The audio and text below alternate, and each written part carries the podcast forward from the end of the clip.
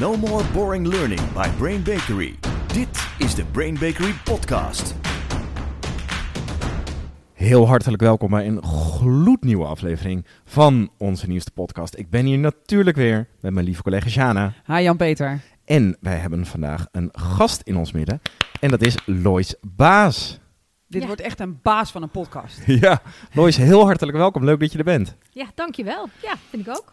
Eh, ja, Lois, jij bent hier om te praten over iets super interessants. Want je bent net afgestudeerd in een onderzoek over hoe adviseer je nou als leerprofessional, hoe adviseer je nou? Ja. Eh, daar hou je je ook al jarenlang mee bezig. Hè? Je bent al jarenlang eh, leer- en veranderadviseur. Je hebt je eigen bedrijf en je bent net afgestudeerd in Wageningen aan de master leren en innoveren. En dus volgens mij echt net afgestudeerd. Hoe recent is het? Ehm, ja, dat is echt anderhalve week geleden heb ik het eh, telefoontje gekregen dat ik... eh, Woehoe! Oh, gefeliciteerd. Ja, en wij Dankjewel. hoorden hiervan via Dick van Develop, Dick Krikke, eh, wat je hebt gedaan en wat je ontdekt hebt. En wat je wilt adviseren aan anderen. En we dachten, ja, we moeten hier een podcast over maken. Dit moet Ja. heel Learning and Development Nederland moet dit weten. In deze podcast gaan we natuurlijk dus inzoomen op een aantal conclusies en belangrijke dingen die je in je afstudeeronderzoek hebt ontdekt. Dus we doen het aan de hand van eh, drie stellingen. Ja.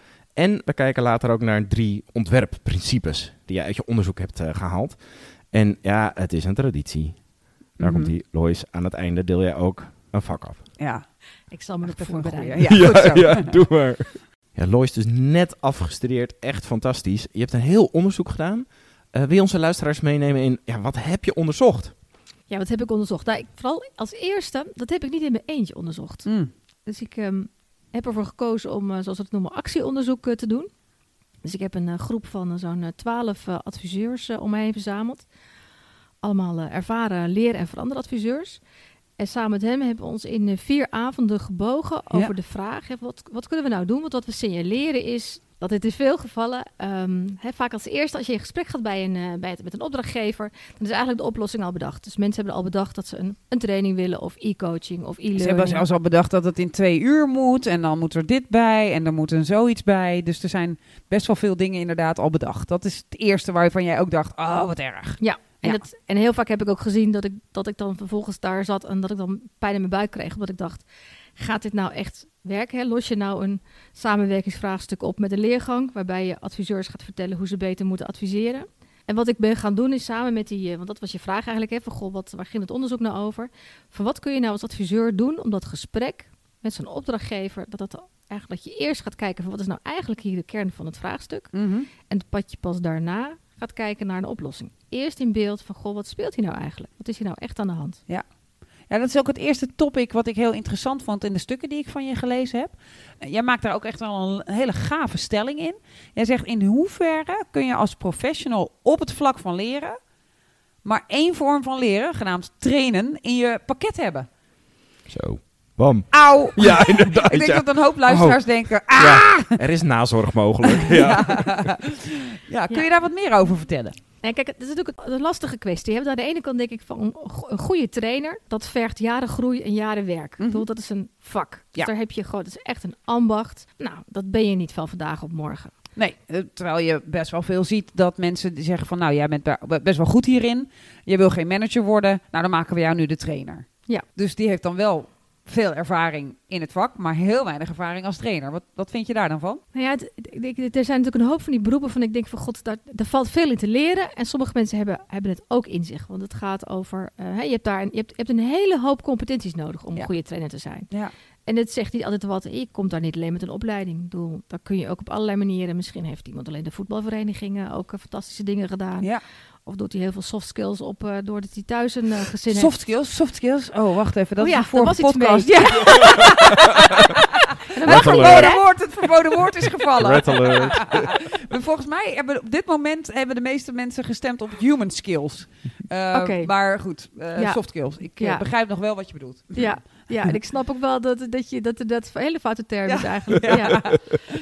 Je hebt een aantal skills nodig om gewoon goed voor zo'n groep te Ja. kunnen staan. Dus dat Ja. het dus ehm, tegelijkertijd als je als trainer, ehm, je houdt je bezig met het leren van mensen, met het gedrag van mensen en organisaties. Mhm. Eh, Dat is waar het uiteindelijk altijd ook over gaat. Hè. Dus een bedrijf eh, signaleert dat er een innovatie nodig is. Er is nieuw gedrag nodig, ander gedrag. De, de buitenwereld verandert en, van, en moet er aan de binnenkant ook iets Ja. gebeuren. Zeker. En bij gedrag wordt vaak als het eerste gedacht aan een opleiding of training. Ja.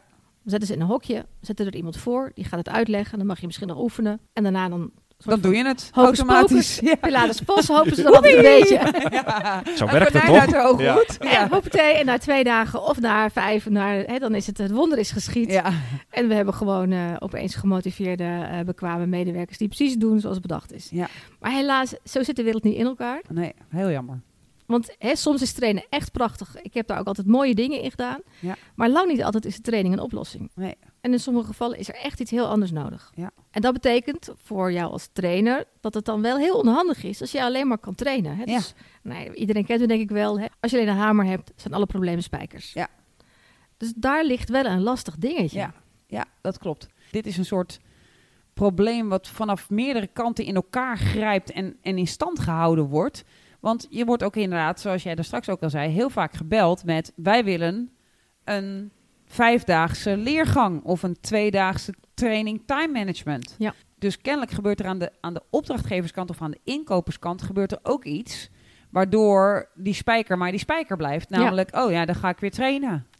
Nou ja, dat, is, en dat, dat maakt ook dat het zo'n complex vraagstuk is. Ja. Want aan de ene kant is dat, kan ik dat ook goed snappen. Hè? Want er staat aan de ene kant heb je een, eh, een manager, vaak een middelmanager, die Ja. heeft een afdeling of er is een, eh, hele een, heel onderdeel van een organisatie wat, wat niet lekker gaat. Ja. Heeft duizend dingen op zijn bordje. Ja. En wat is er dan mooier als dat je het idee hebt van, goh, weet je, het kost wat geld, maar ik laat ze, met ze, ik laat ze een training volgen, dan is mijn probleem opgelost. Ja. Hè, Zo'n manager wil het liefst dat dingen van zijn bordje zijn. Ja. En vervolgens eh, is er nog een, misschien nog een afdeling opleidingen. En die is ook gewend om in opleidingen Ja. te denken. Want daar zijn ze van. Ja, Dus die weten ze veel googelen van. dan. Dus die, Ja. precies. Dus dan, dan komt er vervolgens ook nog een trainingsbureau. Ja, die verkoopt natuurlijk Training. een training. Ja. Eigenlijk Dus als je het spijker, zo stelt, spijker, spijker, ja, spijker. is het niet zo heel verwonderlijk wat de uitkomst wordt. Nee. Nee. nee. En dat maakt dat het vraagstuk eigenlijk ook heel lang zo in stand blijft. En Ja. dat het ook daarmee, hè, wat we dan noemen een, een wicked problem of een taai vraagstuk is. Ja, Hè? dat vind ik zo'n mooie term. Wicked problem. Waar komt die vandaan? Ja, volgens mij komt hij oorspronkelijk van eh ene meneer Webber, als ik het eh, Mhm. goed, eh, goed heb. Het is ook door Hans Vermaak verschre- omschreven. Die heeft een prachtig boek over geschreven, over taaie vraagstukken. Ja. Ik bedoel, echt een aanrader. En wat hij, wat hij dan een, een taai vraagstuk noemt, dat zijn vraagstukken die complex zijn. Ja. Die zijn daar zitten gewoon heel veel facetten aan. Ehm, er zitten verschillende partijen spelen daar een rol in. Mhm. Het vraagstuk bestaat ook al langer. Ja. Het heeft veel kanten en het is niet zomaar even in één keer op te lossen. Nee. Nee, maar jij hebt dit natuurlijk bestudeerd, dus ik wil wel graag even de oplossing weten. Ja, ja, dat zou mooi. Ja. dat zou heel mooi zijn. Hè? Ja, hetzelfde. precies. Vertel Ja. hem even in een podcast, dan is Ja. het daar nou opgelost. Wat is nou precies even het wondermiddel? Maar, maar, de, maar de partijen die er een rol in spelen zijn dus inderdaad het management. Hè? Degene die bedenken er moet een, oplo- een, een, een opleiding Ja, komen. En er is nog, er is nog een partij. Want wat ik ook opzienbarend vond, dat ehm, uit een onderzoek blijkt ook dat heel veel cursisten ook wel soms echt een, een voorkeur kunnen hebben voor juist een opleiding of een training. Ja. Omdat het natuurlijk ook best heel comfortabel is. Ja. Je gaat ergens naartoe, je kan een beetje Je leunt mopperen. achterover. Je gaat leunt achterover. Je krijgt een koket. Ja, Oh, lekker. en soms nog lekker in een hotel of in een bos. Ja. Eh, Dat, ehm, en vervolgens kan je na afloop zeggen dat het toch net niet helemaal was wat je gedacht Nee. had. Nee, En, maar het was wel nuttig. Sowieso. ja, en misschien Ja. best gezellig ook. Ook, ja. En, En, ehm, en de trainer kreeg een acht. je- je neemt er altijd wat van mee. Ja, ja, zeker, zeker. Ja, al, je, je steekt er toch altijd weer wat van op? Ja, precies. Dus ehm, je kon ondertussen gewoon ook nog eh, wel wat appen of zo. Of eh, ja, precies. even nadenken over je En het was lekker al om half vier klaar. Ja, Was ook fijn. ja. Ja. Die cursist, of trainee of deelnemer, die speelt natuurlijk ook een rol. Dus je hebt de, de manager of het management wat bedenkt, er is hier een probleem wat opgelost moet worden. Die gaat naar de opleiders en die denken, daar moet een training voor komen. Want dat denkt de manager en wij doen in opleidingen, dus we doen het. Die belt een trainer, die denkt in trainingen. En die eh, deelnemer die denkt ook, ja, eh, ja je moet eh, proactiever worden. Ja, doe maar een training proactiviteit. Dus alle vier maken dat probleem echt wicked en sterker. ja, als je niet oppast, is dat wat zeg maar gewoon heel erg vooraan komt te liggen. En Ja. ik denk dus dat niet veel mensen oppassen, want dit is wat ik aan de orde van de dag zie gebeuren. Nee, dat is ook wat, dat, wat ik ook veel zie. En het, en Ja. het is heel lastig om het te doorbreken. Want dan kan ik nog wel met een ander verhaal komen. Ja. Maar voor mij komt het bureau X en die zegt natuurlijk, wij lossen dit op. ja, nou, we hebben het vorige week nog meegemaakt. Wij kregen de aanvraag met zeven andere partijen om 500 managers te trainen. Er was ook al bedacht, er is een delta van verandering die gewenst is, maar die was niet onderzocht. Daar zaten alleen een paar woorden aan. Toen in de eerste ronde hebben wij gezegd, als enige bleek, uh, wij gaan eerst research doen voordat we met een oplossing komen. Want we weten nog niet hoe groot die delta is. Die willen we eerst even proeven. Toen, omdat we zo innovatief en leuk en, en gaaf waren en met goede filmpjes werkten, dachten ze: oké, jullie mogen door naar de volgende ronde. Dus we waren met uh, twee anderen nog over. Die andere twee hebben een keurig programma met vijf of tien dagen uit, uiteengezet, inclusief content ook al, hè, hebben ze neergelegd. En uh, wij hebben gezegd, wij gaan onderzoeken. We hebben wel voorbeelden gegeven van onze soort content. We hebben heel erg aannemelijk doen maken dat wij het goed gingen oplossen, maar wel naar de research. En we kregen als feedback, we hadden heel graag voor jullie gekozen. Jullie spraken ons het meeste aan. Echter, het is nog niet concreet. En uh, wij wilden gewoon weten, want we moeten het ook weer naar de directie vertalen, hoeveel dagen jullie ons wilden trainen. En omdat jullie je daar niet op wilden committeren, uh, hebben we niet voor jullie gekozen. Ja, oh, dat is heel. Het, deed echt ja. zeer in mijn ziel. ja, ja, ja. heel, het is heel herkenbaar. Ja. Dat, dat is waar ik, hè, wat, wat, wat, wat natuurlijk het, het, vraagstuk is, wat ook de adviseurs uit mijn onderzoeksgroep heel erg heeft meegaan. En mij ook. Het doe. Ik, ik kom dat ook um, met regelmaat tegen. Ja. Ik denk dat we daarmee naar stelling 2 uh, kunnen gaan. En die stelling 2 is: investeer eerst goed in de voorkant. Juist voor een hoger of beter rendement aan de achterkant, uh, Lois. Lois? Ja. Lois. Jongens, Lois. even voor alle luisteraars. Ja. Het is Lois baas. Ze is een baas van een Lois. Ja.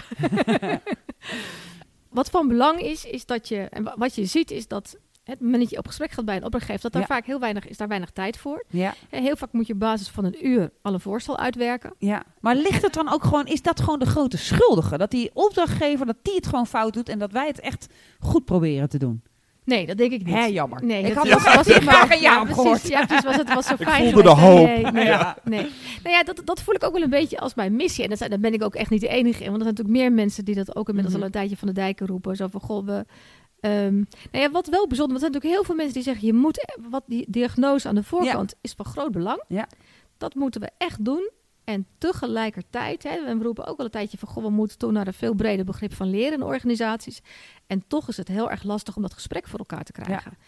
En er, spelen een aantal dingen, wat we in een onderzoek zien... wat een aantal dingen spelen daar een rol in. Hè? Ja. On onzekerheid speelt een grote rol. Dat hoor ik ook wat jij vertelt. Hè, uiteindelijk um, is er altijd een directie... of is, hebben mensen toch het idee dat als het maar concreet is... Ja. Pas klaar. Pas klaar. Aantal dagen, precies het bedrag ook exact dus, al weten. Ja, dat geeft dan houvast. Ja. Dus wat een van de dingen die uit mijn onderzoek komt, is ook is dat, dat we, hou, we moeten een we moeten houvast bieden. Dus er moet een alternatief komen. Ja. Om die, over, om die onzekerheid te overbruggen. Hè. Om het onderzoek werd het heel vaak genoemd. Het, hè, hoe kun je nou de ander ook helpen in zo'n fase van niet weten? Ja. En dat betekent ook heel vaak dat je ook met de goede mensen om de tafel moet zitten. Mhm. Dus eigenlijk, wat ik jou nu ook al zeg, van goh, die directie, die is dan buiten beeld. Ja. Nou is het niet simpel, maar eigenlijk zou je die gewoon erbij moeten betrekken. Ja, 100%. Hè, dus hoe zorg je nou ook voor dat je de juiste stakeholders om de tafel krijgt? Ja. En dat is zeker, denk, en, en daar, daar zit volgens mij in. Hè, er wordt gedacht dat als het maar concreet op papier staat, er is een voorstel, dan komt het wel goed. Ja. Um, ja, helaas is dat, uh, is dat niet het geval. Ja. Het wordt tijd voor stelling nummer drie. Er wordt te weinig gekozen voor andere vormen van leren. Maar ik denk er wel gelijk, ik lees mezelf voor, maar ik denk wel gelijk, hoezo andere vormen van leren? Trainen is toch the way? Tra ja, dat is het toch? Ja, ja, ja kom op. Meer, ja. Ja. Ja, Lois gaat ons even meenemen in vier andere vormen van leren die dus niet trainen zijn. Niet Oeh. één iemand met een flip over voor de groep. Ja, om er een paar te noemen. Hè, Ja. Wat bijvoorbeeld de, de prachtige vorm is, wat, wat ik zelf heb gedaan in mijn, mijn onderzoeksgroep, Ja. is actieonderzoek. Ja. Dus samen met mensen ehm, echt kijken naar van, goh, wat, wat zijn nou op basis van ervaringen, wat werkt er nou, daar andere dingen in uitproberen. Hè, zo, en zo gaandeweg het antwoord vinden. Ja. Hè, onderzoek is dus een prachtige manier om, eh, om, om leren te faciliteren. Dus dan, dan is er niet één iemand die weet het en die draagt het over en je mag nog even oefenen. Ja. Maar je gaat samen op zoek naar het antwoord, Ja. omdat je samen eigenaar bent van het probleem. Precies. Luister, u, u hoorde het hier, dames en heren. Ja, en het mooie daarvan is, is dat door samen het onderzoek aan te gaan, ben je dus tegelijkertijd ook aan het leren. Ja. En ga je nadenken over je, je, je, je aannames en je paradigma's. En Ja. ben, je, ben, je, ben, je, ben je visie aan het aanscherpen? Leer je van elkaar? Eh, zijn we dingen gaan lezen? Zijn we Ja. kennis gaan uitwisselen? En daarmee kun je werken, leren en innoveren eh, tegelijkertijd laten plaatsvinden. Ja. En dat noem jij actieonderzoek. Dat is actieonderzoek. Ja, dus als mensen denken, ik wil daar meer van weten, die gaan naar Google en die gaan opzoeken, in plaats van trainen, actieonderzoek. Ja, of Super. je kan, het, je kan het ook, het is ook een vorm van collectief leren. Ja. Hè, dus dat is hè, dus door, door hè, met, met het collectief naar een vraagstuk te kijken. En dat, dat is ook het lastige met al die vormen van leren, dat ze ook overlap hebben met Ja. elkaar. Hè, Ja. Daarin zijn natuurlijk ook allerlei begrippen, zijn er van transformatief leren tot eh, collectief leren tot, eh, nou wat, wat ik bedoel, er zijn hele rijtjes. Hè? Manuel Ruiters heeft daar een heel mooi overzicht eh, van gemaakt. Kirsten heeft daar een mooi overzicht van gemaakt. En als je echt denkt, ik wil me er helemaal in verdiepen, dan eh, heb je de dikke pil van Ileris waar Ja. je mee aan de slag eh, Ja. kunt. Maar waar, waar, als je het heel praktisch benadert, dan kan je bijvoorbeeld ook een community of practice. Ja, wat is, Is dat een dan? manier. Community of Practice. Leg dat eens even uit aan onze luisteraars. Dat is een, eh, een groep professionals Ja. die zich samen over een bepaald vraagstuk gaan buigen. Zonder een trainer, misschien wel met een facilitator. Ja, dat kan. Hè? Dat ligt er een beetje aan wat de groepen, wat, wat, wat mensen daar wel en niet zelf in kunnen of willen. Ja. Ehm, Maar ze zijn goed in hun vak, doen het al jaren, krijgen daar respect en waardering om. Worden niet in een training gezet, want jij moet iets anders leren. Ja. Maar gaan elkaar leren en van elkaar leren en met elkaar ontdekken wat een goed antwoord zou kunnen zijn. Ja, precies. Loop iets tegen hun werk op en gaan daar met elkaar eh, het gesprek over aan. Op zoek naar antwoorden en kennis eh, uitwisselen. Ja. Dus op het moment, stel, ik probeer hem even te vertalen. Stel, ik heb in mijn organisatie een aantal mensen die iets heel goed kunnen. En die zouden dat anders moeten gaan doen. En die lopen er ook tegen aan dat, dat dat niet goed gaat. In plaats van dat ik dan een trainer inhuur, zeg ik... joh, eerst even een community of practice. Gaan jullie maar met elkaar dit uitwerken. En ik, en ik regel wel een facilitator voor jullie die het op gang houdt. Ja, dat is, als mensen zeggen van, goh, weet je, we willen hier, eh, we hebben er al tijd nodig. Ja. Hè? Dus we, we denken dat we er best uit kunnen komen, maar we hebben vooral tijd nodig. Dan is dat een prima vorm. Super, Ja. super. Ja. Dus we hebben al twee alternatieven voor... hier komt een trainer met een training. Ik Ja. kan niet wachten op die derde. Ja, wat is de derde? Of practice, dat zijn mensen die zeg maar met eenzelfde soort achtergrond. Hè? Je kan Ja. ook zeggen van, goh, sommige vraagstukken die zijn zo ingewikkeld. Dan moeten we gewoon verschillende disciplines voor bij elkaar Ja. roepen. Ja. Nou, dan ga je veel meer richting hè, kenniscreatieprocessen. Eh, dus dan ga je echt kijken van, goh, wat, wat betekent dit? is een echt een lastig vraagstuk. Dus laten we nou eens, eh, nou, wat ik bij de gemeentes gebeurt dat bijvoorbeeld veel. Dat, ehm, ik sprak net iemand en eh, ehm, die is bezig met een, eh, een, met een nieuwe wijk. Nou, er lagen allerlei met een natuurgebied daarin. Dus ze hebben, ze, ze hebben daar de, de bewoners, maar ook de, de, de, de kunstenaars die daar een complex Ja. hebben. De, de ondernemers. Nou, ehm, er zitten ook mensen in die de volkstuintjes hebben. Een aantal Ja. mensen die eh, pleiten voor natuurbeheer. Nou, die zijn ze allemaal bij elkaar gaan zetten. En door met elkaar hè, niet alleen die kennis uit te wisselen, was het ook een leerzaam proces. En werd langzamerhand ook gevonden wat daar nou het handigst was. Heel goed. En die gingen goed luisteren naar elkaar. Ja, dit zou alleen, als ik hem vergelijk met hè, de, de wereld van veel van onze luisteraars, we gaan trainen of niet. Dit zou niet iets zijn waar ze normaal een training. Nou, we trainen even de kunstenaars. dus dit is meer een oplossing voor hoe gaan we innoveren met elkaar. En ik denk dat hij daar een beetje van geleend is. Maar ik kan me ook wel voorstellen dat je dit in een organisatie zelf kunt doen. Hoe, hoe zou het er dan uit kunnen zien? Ik heb het meegemaakt in een, een overheidsorganisatie waarbij met name de samenwerking tussen adviseurs en het management niet lekker liep. Ja. Het idee was, wat ze bedacht hadden, is om dan de adviseurs een, een opleiding Oh, adviesvaardigheden apart. De management dacht, dacht niet van ik moet mezelf trainen, maar ze dachten de adviseurs hebben Nee, als nodig. zij nou- Nou, dat kom je echt nooit tegen in de praktijk. Nee, nee, nee, nee. Dus het was, eh, dus die, nou ja, als die adviseurs dan maar gewoon beter hun, eh, hun werk gaan doen. Ja. En wat in dat geval gewoon kan helpen, is om met elkaar om te kijken. En er bleken ook gewoon nog allerlei andere partijen bij betrokken te zijn. Ook andere stafafdelingen. Ja. En eh het secretariaat vond er ook nog iets van. Dus uiteindelijk, hè, op het moment dat je dan die partijen gewoon met elkaar hè, bij elkaar zet. Om te kijken van, goh, wat, wat is nou eigenlijk... Waartoe zijn we nou eigenlijk op aarde? Of in ieder geval Ja. in Nederland. Wat is nou eigenlijk... Waartoe zijn we hier nou Ja. eigenlijk? En wat betekent dat nou voor onze samenwerking? En door daar met elkaar het gesprek over aan te gaan, bleek dat die training adviesvaardigheden eigenlijk helemaal niet zo nodig was. nee, want adviseren konden ze al. Dat ging alleen, er gingen andere dingen mis. Precies. Ja. Ja. Ja. Ja. Dus zo kom je er ook nog achter dat er misschien wel een foute diagnose aan ten grondslag ligt. Door juist eh, breder te gaan inzetten. Het doet me ook wel denken aan een traject dat ik heb gelopen in Engeland. Eh, dat was met een uitzendorganisatie. Die waren in een bepaalde... Hey, we, we weten denk ik allemaal wel dat... eh, als de economie eh, heel goed gaat, dan zijn de kandidaten en de binding van de kandidaat is veel belangrijker. Gaat de economie minder goed, dan heb je heel veel kandidaten, moet je die klant juist hebben. Dus, Mhm. dus daar moeten ze de hele tijd tussen switchen. En dat vonden ze heel lastig. En wat we toen gedaan hebben, is we hebben interviews georganiseerd met verpleegkundigen, triage, nurses, die dus allerlei beslissingen moeten nemen waarbij je je als eerste meldt als je naar de e- eerste hulp gaat. En die zijn we gaan interviewen zonder dat zij ons vak kenden. Om gewoon te vragen, hoe zie jij die patiënt? Waar let je op? Hoe kijk je? Wat doe je voordat jij beslissingen neemt in hoe jij met ze omgaat? En daar hebben we verschrikkelijk veel van geleerd, wat we weer konden vertalen, terwijl het helemaal buiten onze context lag, eh, naar het, naar het uitzendvak. Is dat ook iets wat, wat daaronder valt van wat jij net zegt? Wa- Waar, waar het uiteindelijk essentie op neerkomt, is dat je eigenlijk over je eigen, eigen muren heen kijkt. Ja, en dat je in, soms eh, op goede ideeën kunt komen door een andere wereld rond te kijken. ja, En dat betekent soms ook dat het soms eh, veel leerzamer is in plaats van een training om gewoon eens bij de buren te gaan kijken. Ja. Of bij een, bij een concurrent of bij een eh, organisatie die iets, heel iets anders ook doet. Ja. Ehm, en daardoor kwamen ze zelf met de oplossing. Want dat Ja. is volgens mij ook de essentie van, van wat jij tot nu toe aandraagt. Is als je een andere vorm kiest dan trainen, ga je ook vaak mensen zelf met elkaar een oplossing laten bedenken. En in het vinden van de oplossing gebeurt het leren. Ja, want ik denk dat in heel gevallen we toch nog te veel over mensen beslissen in plaats van met mensen. Ja. En dat, dat vind ik zowel gelden voor de uitvoering als voor het voortraject. Ja. Hè, dan neem gewoon die mensen daarin mee, want vaak weten mensen heel goed waar het in schort. Ja. Ik ga daar gewoon met elkaar het gesprek ook over aan. En dan zeg je, ga dat gewoon doen. Maar dat gaan we natuurlijk niet zo gewoon doen. Want we moeten wel even als management een diagnose stellen. wie er getraind moet worden. Ja, Dus je hebt het ook echt over organisatieculturen. eh, de rol die leren inneemt in een organisatie. Is een leren een verplichte tovenaarstruc waar je in een zaal gezet moet worden? Of zijn er ook andere mogelijkheden om te leren? En, en ik denk dat we daar, ik weet niet of dat uit je onderzoek ook kwam, nog wel een soort last hebben van dat we allemaal het leren ooit hebben geleerd als op school zittend en van uur tot uur naar een ander vak moeten rennen. Eh, en dus wordt het mij aangedaan. En dat is kennelijk wat leren is, in plaats van dat ik zelf nadenk over een oplossing. ja, dat geloof ik echt, want we hebben natuurlijk allemaal op school gezeten. Ja. Dus als je denkt aan leren, is dat het eerste waar we aan denken.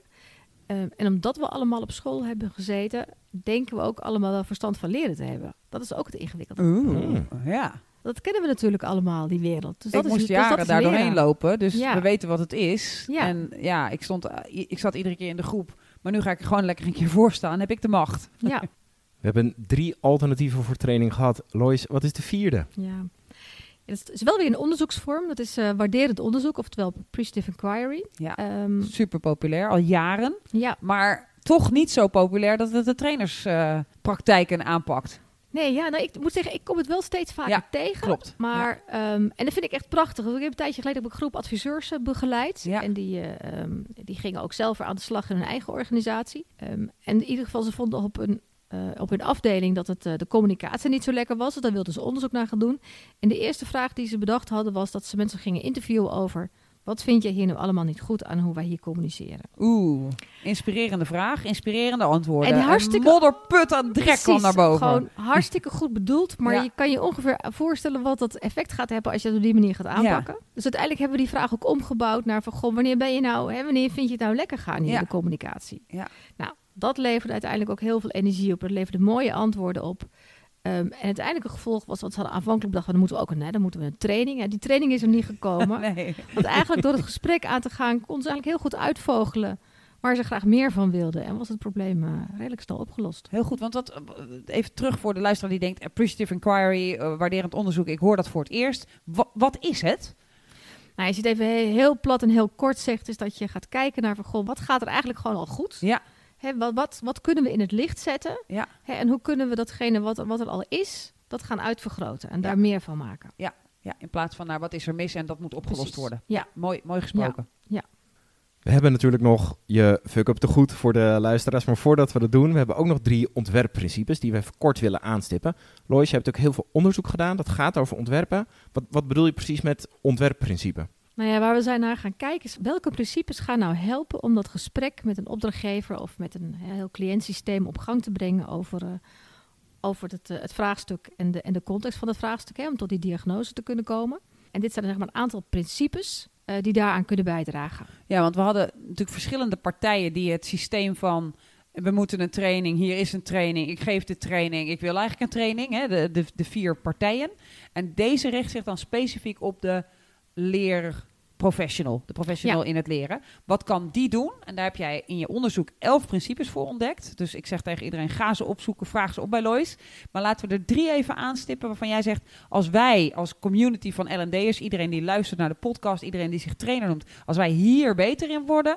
dan gaan wij meer impact maken waarschijnlijk... en minder vaak in het treintje van trainingen terechtkomen. Oeh, het Het trainingstreintje. Van, dan wil je een training? Ik, doe, ik zoek een training. Ik heb een training. Ik geef een training. Ik wil een training. Eh, dan gaan we dat treintje doorbreken. Wat is, eh, wat is het eerste principe dat je wilt delen? Ja, eentje wat we ontdekt hebben is wat, je, wat belangrijk is om te beschikken over professionele moed. Professionele moed, wat prachtig. Ja. En dat is gewoon lef om soms de dingen te zeggen die ongemakkelijk zijn. Ja. Want het is natuurlijk veel makkelijker en leuk om te zeggen: Goh, eh, natuurlijk, die training, dat gaan we doen, prachtig. Het gaat Kunnen we ook. Kunnen, Kunnen we we ook. ook. Hebben we, hebben we, dat hebben kunnen we natuurlijk ook vaak heel erg goed. Ja. Dus, hè, en het met groepen werken is ook nog eens hartstikke leuk. Om dan toch daarin dingen te benoemen die gewoon eigenlijk niet zo leuk zijn. Ja. Of die gevoelig liggen. Of waarbij je zegt, goh, maar... En soms betekent het ook soms hardop uitspreken waar je buikpijn van krijgt Ja. als je het verhaal hoort. Ja. Of waar je je zorgen over maakt. Of waarvan je denkt, ja, maar ik hoorde deze manager, maar volgens mij speelt hij zelf ook wel een rol in dit vraagstuk. Ja, ik weet dat ik, als ik een voorbeeld mag geven, toen ik die buikpijn voelde, was dat er een directielid ehm, ons wilde inhuren. En die sprak over een aantal van de medewerkers als ja, maar die zijn natuurlijk onopgeleid schorrimorrie. Ehm ja, en dat deed hij met denk ik de beste intentie om ons te waarschuwen van je krijgt geen hoger opgeleide, dus je moet je wel voorstellen wie ze zijn. Maar ik vond het heel erg en het kostte me e- even bijkomen in het gesprek voordat ik die professionele moed had om daarop in te gaan Ja. op een manier die niet gelijk was. Nou, ik pak nu allemaal spullen in. Als je zo over je mensen praat, rot je maar op! Ja. Want dat, dat wilde ik ook niet doen. En ik wilde hem ook verplaatsen in. Hij zegt dat waarschijnlijk met een goede intentie. Maar om dat bespreekbaar te maken voordat we naar een training gingen, dat kostte me wel. Eh, Heel veel ja, ja, professionele moed. En professioneel Ja. zweet. Ja. Ja. Nou ja, en het bet- dat betekent ook dat compassie van belang is. Mm. Hè, dat je ook, wat jij ook zegt, van, goh, dat je uitgaat van de goede intenties Ja, van de ander. Die man staat niet ochtends op om Nee. te denken, ik ga even schorrimorrie mededelen over mijn mensen. Nee. Helemaal niet. Nee, het zijn ook Nee. gewoon mensen die, een, eh, eh, die gewoon een vraagstuk hebben en Ja. daarmee worstelen en denken, Ja. god, hoe gaan we dit nou toch vlot trekken? Ja. Ja. We gaan naar je tweede principe dat we uitlichten, Lois. Wat is dat? En die tweede gaat over dat je ehm, best een goed gevulde rugzak moet hebben als, Mm. als leren- en veranderadviseur. Ehm, dat betekent namelijk dat je, dat je een goede training kan verzorgen. Daar gaan we vanuit dat Ja. je er vakmanschap in hebt.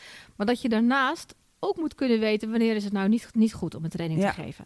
Dus dat betekent dat je ook gewoon, je hebt wel wat bedrijfskundige kennis nodig. En je hebt ook kennis nodig van leren- en verandertheorieën. Ja. En je, hè, je moet ook wel weten wat er nog meer te koop is aan, aan leren en, Ja. en, en smaken. Ja, dus dit heeft echt heel erg te maken met, met je huiswerk doen, anders dan werkvormen, eh, leeractiviteiten. Wordt het een eendaagse of een tweedaagse? Of hebben we toch nog e-learning nodig? Ja. Dat je daaraan voorbij gaat en dat je het gesprek kunt voeren over inderdaad de topics die je net zei. Je noemde hem letterlijk, vind ik heel mooi om even voor te lezen. Het gesprek over leren en veranderen in de breedte en diepte kunnen voeren. Ja. En dat vergt iets anders dan heel goed kunnen trainen en Ja. daarover kunnen praten. Ja. En de vraag is of je dat allemaal in je eentje moet kunnen. Dat je zowel in de breedte en in de diepte. Dus misschien moeten we ook wel toe naar een ander model. Dat je generalisten hebt die heel goed zijn in die diagnose. Ja. En dat je een, daarna gaat kijken, maar welke specialist gaat de klus hier doen. Juist. juist. En moeten we misschien wel naar een heel ander eh, verdienmodel toe. Zou ook nog kunnen. Mooi, mooi. Nummer drie. Dat is jouw nummer 11. Ja, Dus eh, Ja. mocht je het opzoeken en met Lois in gesprek zijn, eh, haar nummer 11 noemen wij nu even nummer 3. Ja, en dat is wel even mijn favoriete. Want het gaat waar heel wat we ontdekt hebben, wat we straks ook al over hadden. Ja, Dus hoe kan je nou houvast bieden in dat niet weten? ja, En waar we op uitkwamen is dat een aantal voorbeelden die genoemd worden, ook door onze adviseurs, dat, we, dat het helpt om dingen uit te tekenen. ja, Het is dat we, de, de een maakt een kaart op tafel met kaartjes en kleurtjes, om op die manier het inzichtelijk te, te maken. We hebben ook een adviseur, maakt trouwens prachtige visuals. Dus zij Ja. maakt echt, kan dingen in kaart brengen, ze tekent dingen, om die manier het helder te maken. eigenlijk een soort de tastbaarheid van datgene wat je in onderzoek gaat doen, dat zo tastbaar maken dat dat ook al voelt als zekerheidgevend. Ja, en dat is waar ik zelf mee bezig ben om te kijken of ik daar iets van een tool voor kan maken. Ja. Van hoe kun je nou daarin houvast bieden door het, door het gewoon echt letterlijk tastbaar te maken. Ja. Hè, we gaan nog niet meteen het in dagdelen zetten, maar we kunnen wel heel duidelijk maken van welke stappen gaan we nou aan de voorkant doen, Ja. Ook veel op gaan leveren. Ja. De stappen zelf, de diagnosestappen die zelf al dingen opleveren, Ja. waardoor er misschien helemaal geen eindtraining meer nodig, nodig is. is. Ja. Nee, ik denk, want als je dat onderzoek alle stakeholders doet, Ja, dan is misschien die training wel niet eens nodig. Dus Ja. je doet je investering aan de voorkant, wat misschien wel geld oplevert aan de achterkant. Juist, ja. Terwijl ik denk dat heel veel opdrachtgevers die denken... ik zoek een training, ik ben de opleidingsafdeling... dus ik ga nu een training inkopen... en die horen het verhaal... we gaan eerst heel veel investeren in het onderzoek... dat die allemaal denken... je probeert mijn geld uit de Ja. zak te kloppen. Geld. Jij, Ja. jij, jij, jij geldbeluste geldwolf. Ik ga wel naar een Ja. trainer die het gewoon invult. Ja. Terwijl, dus dat is ook een oproep aan, aan mensen die, die de inkoopkant doen... Die, die intern werken. Ga nou eens kijken of je de externen met wie je werkt ook kunt vragen om... denk je dat onze diagnose goed is? Om die vragen ook te gaan stellen. eh, voordat je direct vraagt naar dit product wil ik hebben. Ja, om die vraag te beantwoorden, dan zul je toch ook echt een beetje in de keuken moeten meekijken. Ja. En dat betekent ook niet dat je aan de zijlijn dan gaat observeren. Als expert doen ze het hier goed. Nee. Maar dat je echt met de mensen om wie het gaat, om de tafel gaat, om te kijken van En mee gaat werken, het uniform aantrekt, meeloopt. Ja, Precies. Ja. Echt gewoon de werkvloer op om te kijken van goh, maar wat, wat willen jullie nou met elkaar? Wat is hier nou belangrijk? En waarom is dat tot nu toe niet gelukt? Ja. Zo zijn we via drie stellingen en drie principes al heel veel te weten gekomen over, over hoe je beter kunt analyseren en adviseren voor alternatieven voor trainingen. Ja, ik moet zeggen, ik heb al heel veel geleerd. Maar waar ik ook wel nieuwsgierig ben, Lois, ja, je gaat de vak opdelen, dus wat kunnen we daarvan leren? Brain Bakery's Fuck Up van de week. Ja, hij heeft al een beetje overeenkomsten met wat jij ook eh, zo straks eh, vertelde. Is dat ik heb ook mee verschillende bureaus een eh, gesprek gevoerd, onze plannen weergegeven. Ja. En het eerste gesprek was fantastisch. Zo'n Ja. gevoel dat je echt wel van, nou, dit is gewoon. En jij was de Ehm, opdrachtnemer. Ik was dit- de op, ja. precies, ik was Ja. de, de, opdrachtnemer en. ehm, Je stuiterde het gesprek uit, ging hartstikke lekker. Ja, we hadden echt zo het gevoel van, nou, dit gaat er gewoon helemaal worden. Er kwam natuurlijk ook nog een tweede gesprek. En Ja. toen bleek dat er ook een, eh, eh, wat wij niet wisten, nou hadden, achteraf had ik dat misschien eens moeten achterhalen, Ja. bleek de groep opeens van andere samenstelling te hebben. ja. Dus opeens had ik andere mensen aan tafel. En waardoor het gesprek ook erg anders liep. En de meneer op een gegeven ogenblik, eh, een van de managers tegen me zei, mevrouw Baas, wat doet u nou toch over verschrikkelijk ingewikkeld? U, Oeh. u kunt toch wel gewoon een training verzorgen? U maakt het zo moeilijk. Oeh. En dat was wel voor mij ook heel erg een wake-up call. Dat ik dacht van, goh, je, het is echt van belang om... Het was een verrassing, maar hoe belangrijk het is om ook aan te sluiten Ja. bij de ander. Ja. En het daar niet... Hè, het is denk ik al heel erg ingewikkeld. Het niet noodloos ingewikkeld te maken. Ja, Dus hoe kun je daar in die complexiteit gewoon toch houvast bieden? want wat we eigenlijk volgens mij zeggen, eh, als ik dit, dit hele gesprek, hè, deze hele podcast samenvat, is dat je gaat ook niet naar een arts en je zegt: Ik wil drie dagen deze pil. Want ik heb daar niet voor geleerd. Het is mijn lichaam, dus hoe kan ik met mijn lichaam een diagnose over mijn lichaam doen? Eh, en ik zeg dus niet, ik wil deze oplossing. Wat we gaan doen als we naar een arts gaan, is... Ik heb hier pijn. Het is vooral in de ochtend. Ik ga zoveel mogelijk informatie verstrekken erover. En dan ga ik erop vertrouwen dat hij met een... Of zij, meestal zij natuurlijk... Met een goede diagnose komt. Ehm, en dus ook een goede oplossing geeft. En, en dat is in onze wereld nu niet het geval. Mensen komen met de diagnose en de oplossing in één. Vertellen je niet de diagnose. Of hebben een misschien wel niet zo hele goede diagnose gedaan. Ja. En zeggen, geef mij de drie pillen, dan ben ik er vanaf. Ja. En daar moet het hele systeem mee aan de bak. Maar ik vind het wel heel goed dat we in deze podcast de oproep doen aan die leerprofessional. Wat kun jij in elk geval doen? En zo komen wij aan het einde van deze aflevering. Lois, namens Sjaan en mij, heel hartelijk dank dat je hier wilde zijn. Ja, Dank nou, voor het- met plezier. Delen van je, van je kennis. Sjana, dankjewel Dankjewel Jan-Peter. voor iedereen die luistert. Heel graag tot de volgende keer. No more boring learning. Dit was de Brain Bakery podcast. Wil je meer weten? Kijk dan op brainbakery.com of volg ons op onze socials.